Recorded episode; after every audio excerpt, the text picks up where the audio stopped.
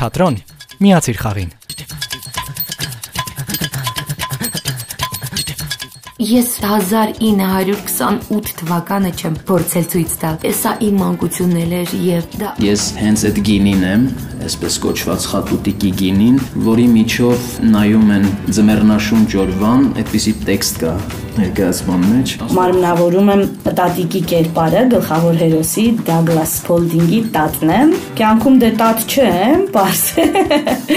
բայց մեծ սիրով եմ խաղում այս դերս էլ։ Կերպարը ինչով է ինձ այդքան հոգեհարազատ, որ այն վերաբերմունքը, որ ես ցույց եմ տալիս իմ թորնիկներին այստեղ եւ իմ կնոջը, ես այդ ամեն ինչը տեսել եմ իմ, իմ պապիկի մոտ։ Սաղարթն ու ծաղկունքը բյուրավոր թիթեռների պես կդողդող անգամուց։ Հենց հենց այդ տպավորությունն աստանալու հանդիսատես, այսինքն ինքը շատ լուսավորված է հեռանալու դահլիճից վստահաբար։ Նոր թատերական հարթակների, էքսպերիմենտների, պրեմիերաների մասին պատմում եմ խստապահանջ թատերագետի ու թատրոնին սիրահարված հանդիսատեսի աչքերով։ Ողջույն, ես Արմինեն եմ։ Դու լսում ես Թատրոն ոդքասթը։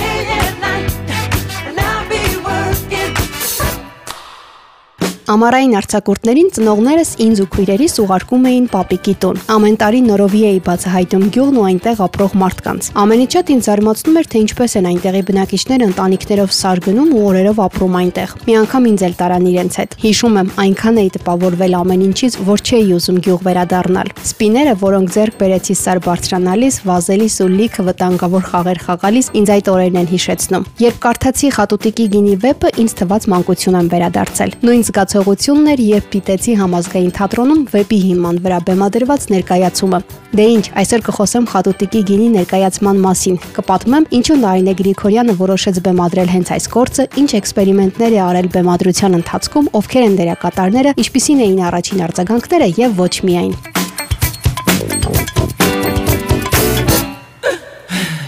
Ամերիկացի գրող Ռեյ Դուգլաս Բրեդբերին ամեն օր գրելու սովորություն ուներ։ Գրողն ասում էր. «3 տարեկանում մայրս ինձ տարավ ներկայացում դիտելու։ Հանդիպեցի ծաղրածու պարոն էլեկտրիկոնին։ Նա իր էլեկտրական թրով դիպավ քթից եւ գոռաց. «Ապրիր հավերժ»։ Ես զգացի, որ մի տարօրինակ բան պատահեց ինձ հետ։ Նա տվեց ինձ ապագա։ Ես սկսեցի գրել։ Դրանից հետո ամեն օր գրում եմ։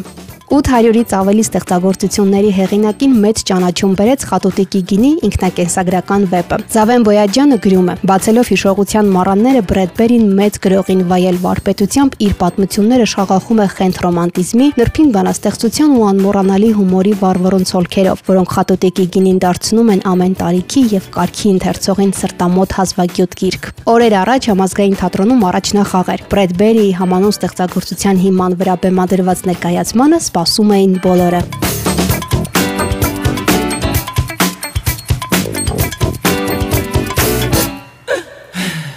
Վեպի գործողությունները տեղի են ունենում Գրինթաուն մտածածին գավառական քաղաքում։ Բրեդբերին պատմությունը սկսում է գյուղական միջավայրի նկարագրություններով։ Ամառ, գյուղ, որտեղ տները կառուցված էին բնության գրկում, անտառ, արև, ամենուրեք բույր, մեղեդի, քամի։ Գրքում ամառը կյանքի տևողության խորհրդանիշն է, ինչպես կյանքն է բաղկացած փուլերից, այնպես էլ ամառը։ Հունիսը պատանեկություն, հուլիսը միջին տարիք, հոգոստոսը ծերություն։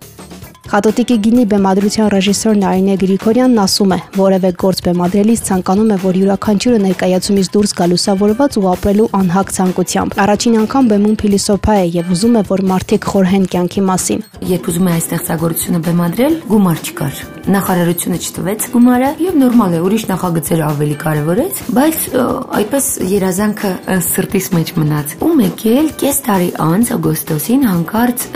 առավոտյան արտանում եմ մտնում եմ Facebook ու տեսնում եմ, որ քաղաքապետարանը Երևանի երկու թատրոնի հատկացնում է 5 միլիոն դրամ արտավազ մրցանակաբաշխությունն ավելի մրցունակ դարձնելու համար եւ այդ երկու թատրոնները մենք էին եւ Գորիսի թատրոնը երջանկություն էր որ կարող էր իրականանալ Խատուտիկի գինին եւ ուզում եմ առիթից օգտվել ու շատ շնորհակալություն ասել Երևանի քաղաքապետարանին մեզ երջանկացնելու համար իսկ մենք էլ կփորձենք հանդիսատեսին երջանկացնել ես 1928 թվականը չեմ փորձել ցույց տալ սա իմ մանկությունն էր եւ դա այն տարիքն է 12 տարեկանը երբ բացահայտում ես կյանքը այսինքն դու հայտնագործում ես որ դու ողջ ես հանկարծ հայտնագործում ես որ մեռնում ես ու այդ շատ ցավոտ է, բայց միաժամանակ հենց այդ ցավոտ իրականության մեջ կյանքի գեղեցկությունը ավելի է երևում։ Մի խոսքով չգիտեմ, քանի որ հիմա մենք անընդհատ կորուստների մեջ ենք, հիմա երկրորդ գործողությունը որ սկսի, այս բոլոր կորուստները սկսում են։ Առաջին գործողությունը վերջանում է կորուստով, ընկերոջ, բայց հետո մահեր են սկսում։ Եվ սիրտը տղայի չի դիմանում, այսինքն հոգին չի դիմանում ու տղան տրտմում է եւ ինքն էլ է համարյա մեռնելու վրա լինում։ Բայց նորից հիշելով կյանքի գեղեցկությունը ոտքի է ելնում։ Այդ մասին է ուզում ես պատմել։ Առհասարակ Նարինե Գրիգորյանի բեմադրություններում էքսպերիմենտներ շատ կտեսնեք։ Սա էլ բացառություն չէ։ Վստահ եմ ինքներդ ձեզ հարցնելու եք, ինչպես է այդ ամենը տեղի ունենում բեմում։ Քանի որ Ռեյ Բրեդբերին էլ ֆանտաստ գրող է, վերջի վերջո գիտա ֆանտաստիկ, եթե նկատել եք անիմացիաները բոլորը գիտական են, այ երկրորդում համարյա ամբողջը մոլեկուլյար շարժումը, չգիտեմ, բանաձևերը, ամեն ինչը, տիեզերքը եւ այլն, բայց նաեւ այդ ամենը ֆանտաստիկ է իր մոտ եւ տորտն էլ երբ ինքը նկարագրում է, դա շատ շատ մեծ տորտ է եւ դու կարդում ես դրա համար մեզ մոտ տորտն այդքան մեծ է։ Ուզում եի որ խատուտիկի գինին լույսը լինի, որ ճաշը այդ տաք ծուխը լինի։ Մի խոսքով ուզում եմ ասել, երևի շատը հենց ինքն էր հուշում Բրեդբրին, որ դա չի կարող ուղակի իրական լինել, որովհետև դա շատ ֆանտաստիկ էր։ Որ դու փոքր ես, ամեն ինչը շատ մեծ է երևում։ Հետո մեծանում ես, ասում ես, բայց այս լողավազանը շատ փոքր էր։ Ինչու է ես այդքան մեծ հիշում։ Ու լավ մեջը լողում էի այս ծայրից այդ ծայր, բայց հետո ես որ մեծ ժամանակ գնացի մեր Արցախի հետ, տատիկիս տան այդ լողավազանը տեսած, մի փոքր շատ փոքր վանա էր, էլի։ Բայց ինձ համար այնքան մեծ էր։ Ու այդ մեծությունները մասշտաբը ամեն ինչի, որ այ այս երեխաները, դա սա տղա երեխաների մանկությունն է։ Տղա երեխաները տանիքների վրա են ապրում։ Դրա համար էլ այսպես տանիքներ են ստեղծված։ Մի խոսքով, եւ իհարկե բատուտներ, որովհետեւ անընդհատ թռիչքի մեջ է մանկությունը։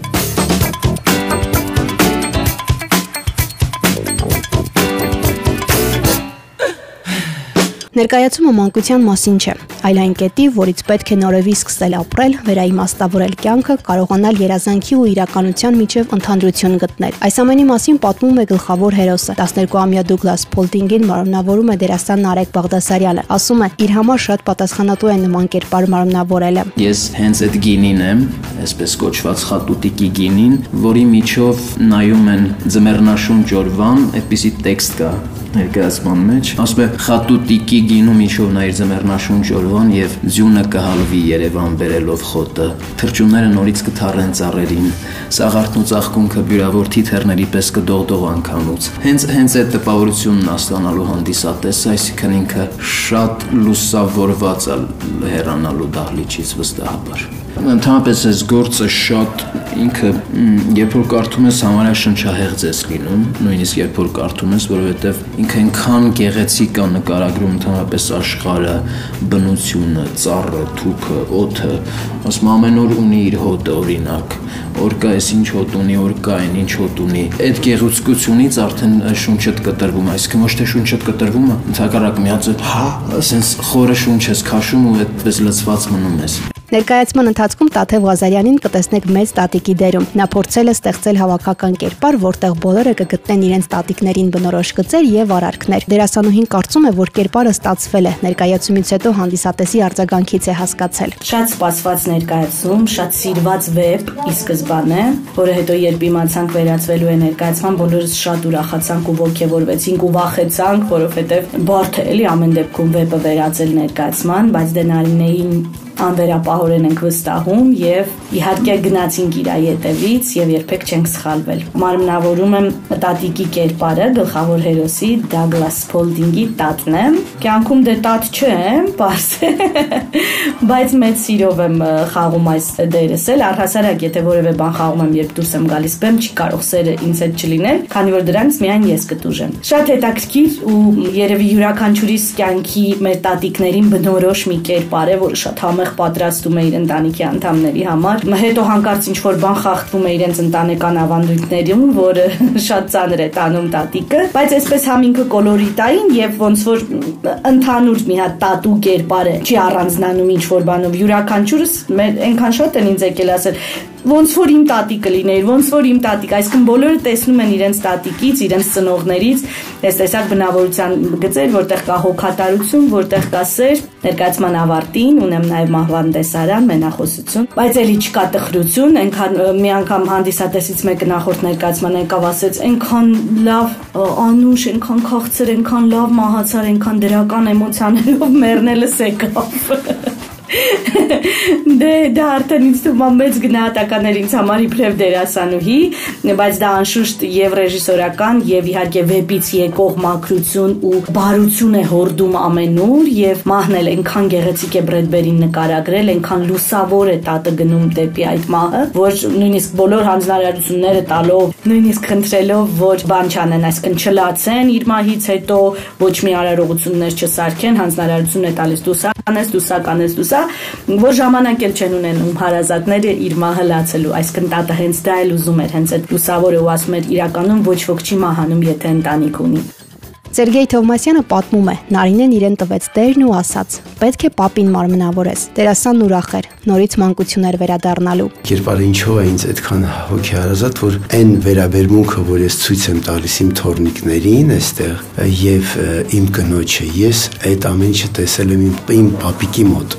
որը ինձ տանում էր էլի դաշտ, ցույց էր տալիս տարբեր խոտեր, բաներ, ասում որ սա չգիտեմ, ավելուկն է, սա ես իմ ինչն է, անունները տենց չեմ հիշում, բան, բայց ես այդ օրերը հիշում եմ։ Կերպարը, որը որ իմ կինն է Տաթևն է խաղում, շատ նման է իմ տատիկին, որովհետև տատիկս կարդալ գրել չգիտեր, ինքը գախտից փախած աղջնակ ա եղել, որ ամուսնացել է, տենց առանց։ Ոսում բայց ինքը այնքան համով էր պատրաստում ամեն ինչը, որ իր աղջիկները, մամաս, մորաքույրներս այդքան համով չէին պատրաստում, ոնց որ ինքը էլի։ Հոգեհարազատ է այդ հիշողություններով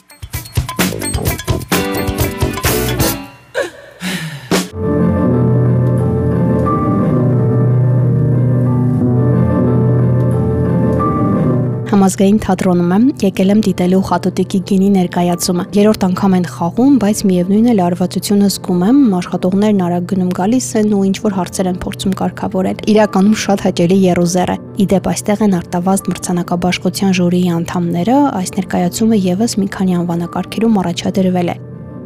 Դե լավ, լույսերն անջատվեցին, նշանակում է ներկայացումը սկսվում է։ Փակիր աչքերդ ու պատկերացրու քեզ թատրոնում։ Տակ գիշերվա երկուսին մութ խոհանոցում տեսիլքի պես լողում էր տակը շղթղկոցի ու չղչղկոցի մեջ մաններն իրենք էին վնասդավար փնտրում գտնում ինչ որ պետք էր հապա ուտեստները միսը պատրաստված էր համեմունքներով սոսները հնդկահամեմով կանաչեղենի վրա անուշահոտ կարակ էր լծված բլիթները պատրաստված էին մեղրիկ ու հարապայր կաթիլներով։ Ամեն ինչը խորժահան էր, հյութեղ ու թար։ Բոլորը մի մարդու պես հրջվում էին երջանկացած։